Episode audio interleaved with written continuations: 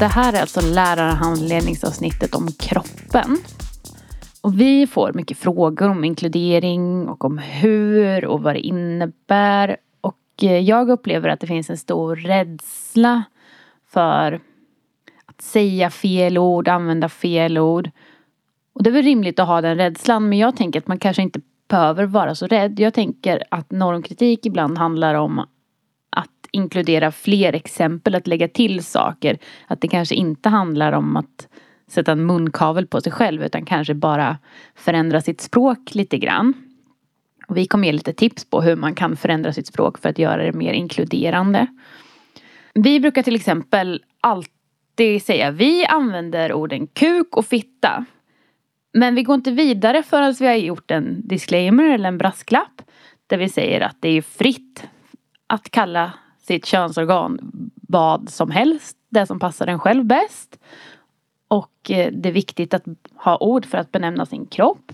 Vi kommer använda det här ordet för att det är ett vanligt ord och för att göra det tydligt. Och när vi använder fitta så menar vi det en läkare skulle kalla för vulva, vagina, klitoris.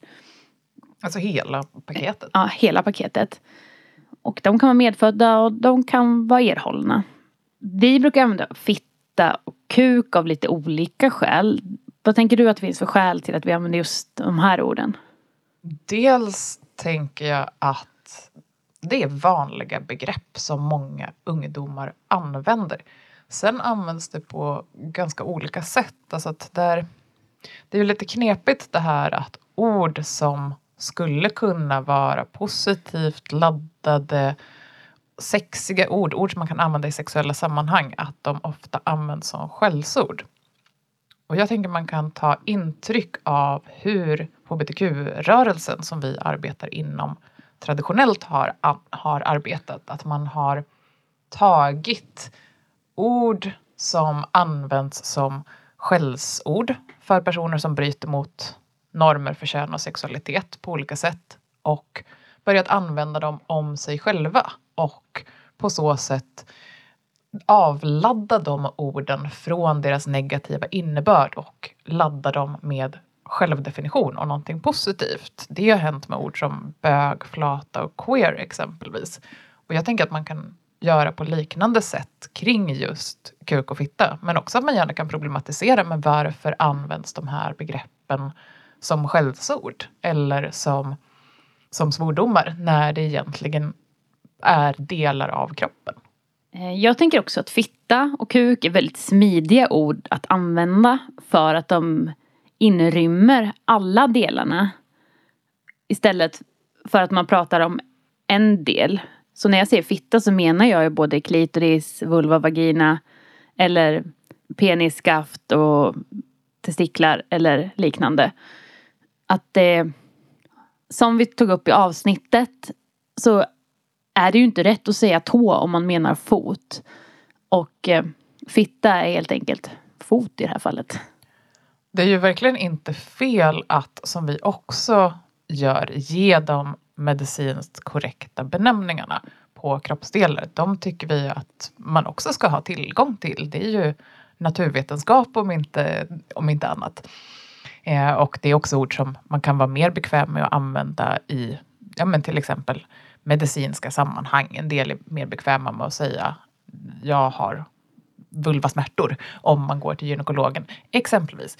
Eh, inte alla, men det, det, är bra begrepp att känna till. Men jag upplever att det är ganska vanligt att personer bara har, särskilt personer med fitta, bara har fått tillgång till delar av sitt könsorgan i fråga om benämningar. Att många känner till exempel till slida men fitta är ju så mycket mer än slida. Man kan inte använda, som du säger, slida som synonym med fitta. Som jag upplever att det ändå görs. Yes. Sen tycker jag det finns ett visst värde i att följa klassens önskan om ord. Men det är en avvägningsfråga. Men tycker klassen att det är lättare att säga snippa snopp? Snippa snopp är också hela könsorganet. Och det är väl lite mer barnord som inte är så sexualiserade. Så det är ju kanske inte de perfekta termerna för att prata sexualundervisning i. Men om det gör en skönare stämning i klassrummet så tycker jag inte att det är fel. Om det är någon som lyssnar på det här som har sexualundervisning för yngre elever än allt det viktigaste om sex riktar sig till så är ju snopp och snippa de ord som vi använder som standard för sexualupplysning för till exempel barn i mellanstadiet. Yes. Och apropå att komma överens med klassen om vilka ord man vill använda så kan man till exempel titta på UMO där det finns alternativ att man får välja själv vilka ord vill man ska användas i de texter som man läser. Där kan man få inspiration exempelvis på hur man kan prata om könsorgan. Och en annan viktig sak är ju att inte koppla ihop könsorgan med kön eller könsidentitet på fel sätt. För att det tror jag vi kan vara ganska eniga om att tjejer kan också ha kuk och killar kan också ha fitta. Och då blir det liksom fel att säga exempelvis tjejers könsorgan eller killars könsorgan om man med tjejers könsorgan menar fitta och med killars könsorgan menar kuk. Och att då kan det vara betydligt bättre att tänka liksom ett steg, tänka mer liksom så här, vad är den minsta gemensamma nämnaren här? Att då prata istället om personer med fitta och personer med kuk. Ett begrepp som var populärt för ett par år sedan var fittbärare eh, och kukbärare. Vi känner väl lite, ja, det är faktiskt lite skönare att säga personer med fitta. Men det är ganska tungrodda begrepp och inte nödvändiga. Alltså mm. det är ett tillägg till språket som vi tänker inte är så behövt för att prata om de saker vi vill prata om. När man pratar om kön utifrån sex och samlevnadsperspektiv så tänker jag Dels så måste man ju prata om alla de här likheterna som vi tar upp i avsnittet. Det är svällkroppar och slemhinnor. Att det handlar om konstruktion mer än något annat. Hur mycket innanför, hur mycket utanför kroppen. Stånd och utlösning och allt som kan vara gemensamt. Yes. Eh, men man kan ju också prata för att liksom skapa den här... Många tonåringar är ju rädda för att vara onormala. Och normal är inget ord vi gärna använder. Men ibland kan man skapa den känslan genom att säga att det normala är jätte, jättestor variation. Och jag tänker att det finns väldigt mycket bilder av hur till exempel en fitta ser ut.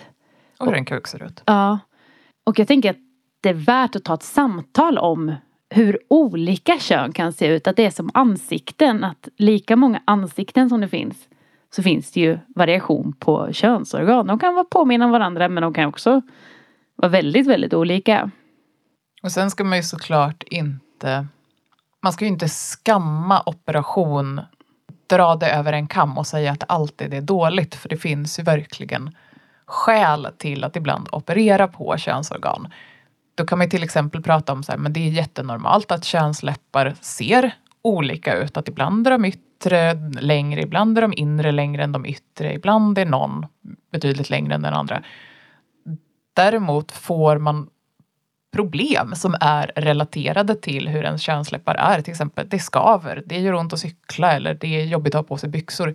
Ja men då är det klart att man kan behöva en operation. Eller samma, ja men det går inte att dra tillbaka förhuden. Nej men då kan operation också vara ett bra alternativ. Men det man kan problematisera är ju just det här att man har väldigt stereotypa föreställningar kring hur kön så att säga ska se ut för att vara fina och normala.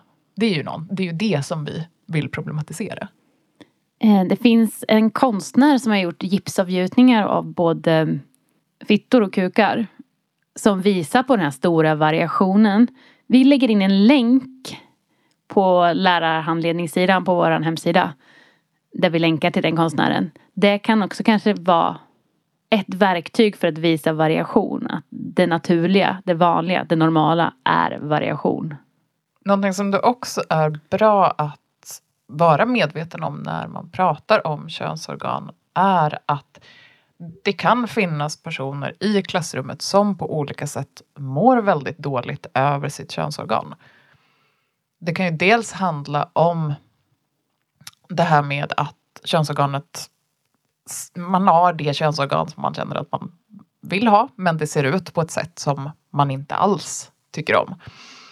Det är ju någonting som man absolut kan prata om, men man ska också vara medveten om att det är någonting som är väldigt skilt från könsdysfori som för en del personer gör att man tycker väldigt illa om sitt könsorgan. Det är liksom en förväntning på transpersoner att ens könsdysfori ska handla mycket om ens könsorgan, att man ska tycka väldigt illa om sitt medfödda könsorgan, inte vilja använda det för att ha sex. För en del transpersoner stämmer det här, för andra stämmer det inte. Därför måste man också prata om att transpersoner har sex som ibland inbegriper könsorgan.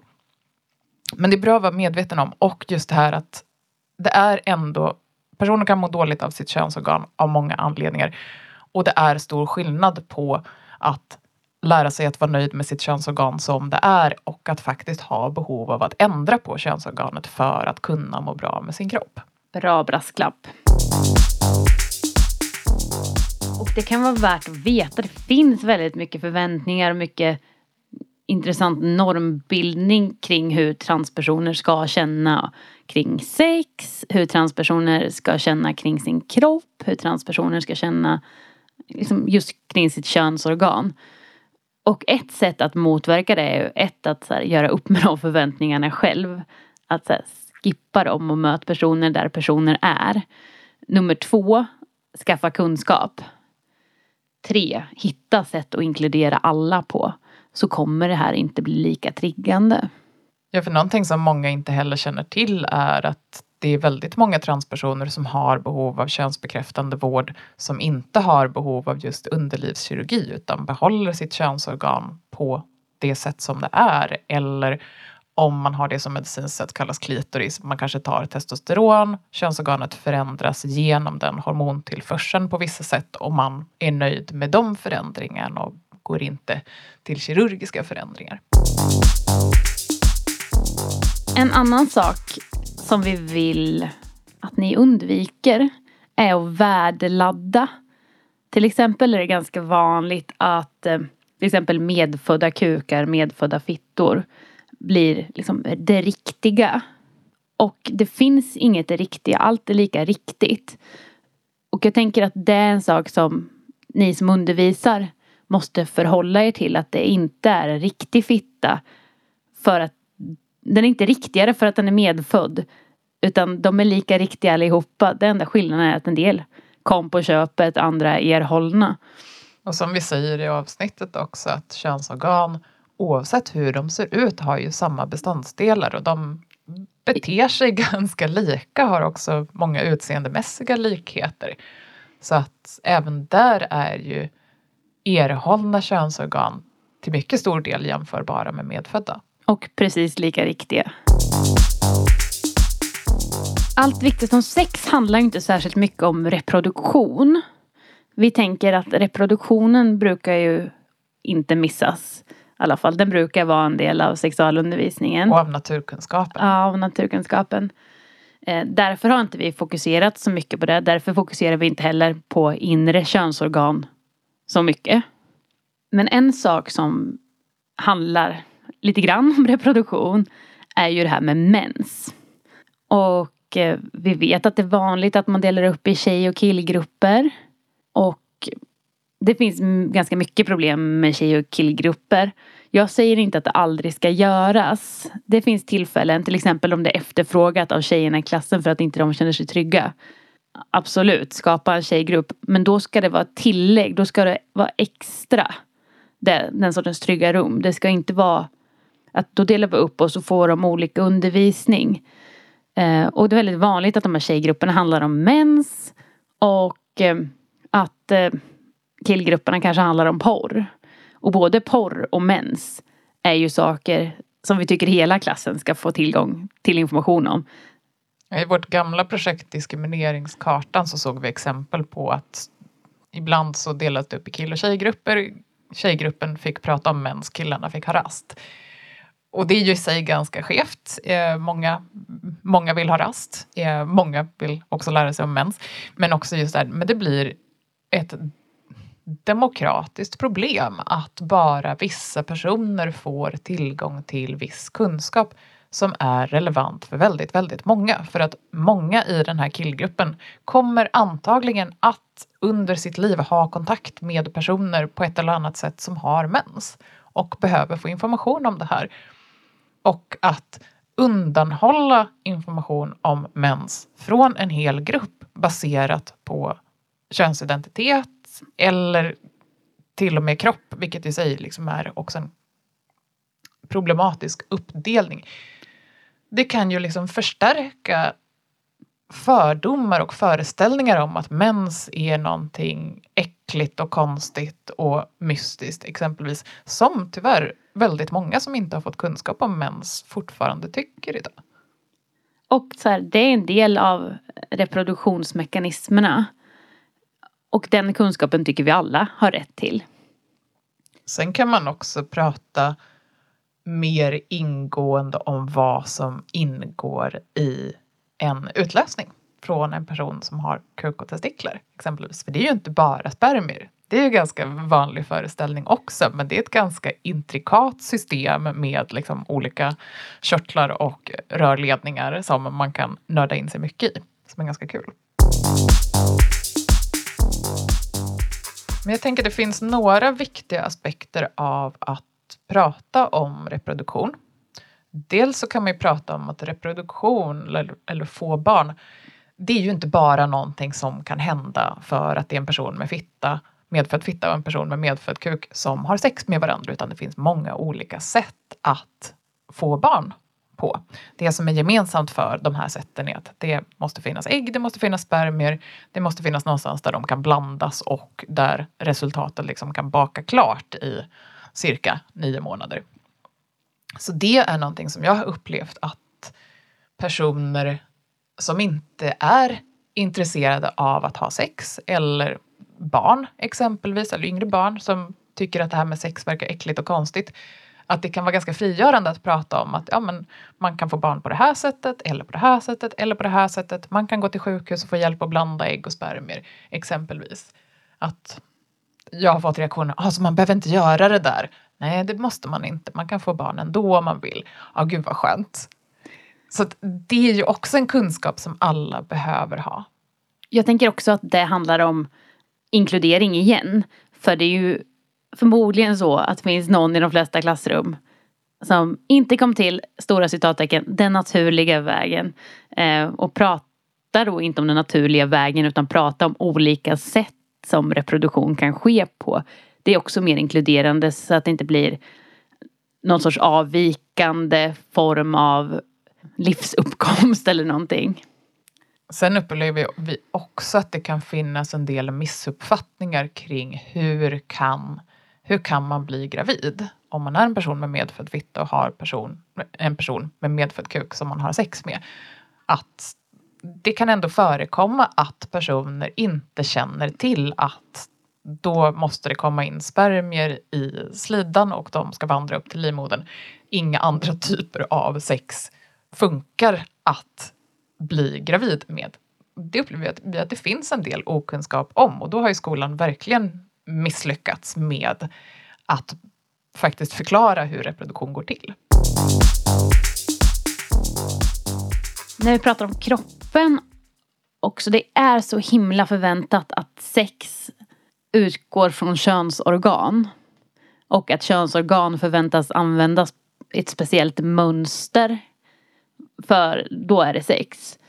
Och våra tips på hur man gör inkludering är att faktiskt utöka det samtalet till att handla om hela kroppen. Glöm inte hjärnan, det är ett jätteviktigt sexorgan. Glöm inte sköna ställen och tunn hud. Prata om hud, det är jätteviktigt. Och prata om att det är om hjärnan, kop, hjärnans koppling till lust. Tänker jag är viktigt. Och så här, gör inte skillnad på kroppen och hjärnan utan hjärnan är ju en del av kroppen. Och lyft andra sköna ställen på kroppen. Det finns ett så här, det finns stora skäl till att prata om mer än könsorgan. För sex är mycket mer än könsorgan. Så det var allt för det här lilla avsnittet och ni får såklart alltid gärna kontakta oss på sexrfslungdom.se. E Tack Björn! Tack Malin!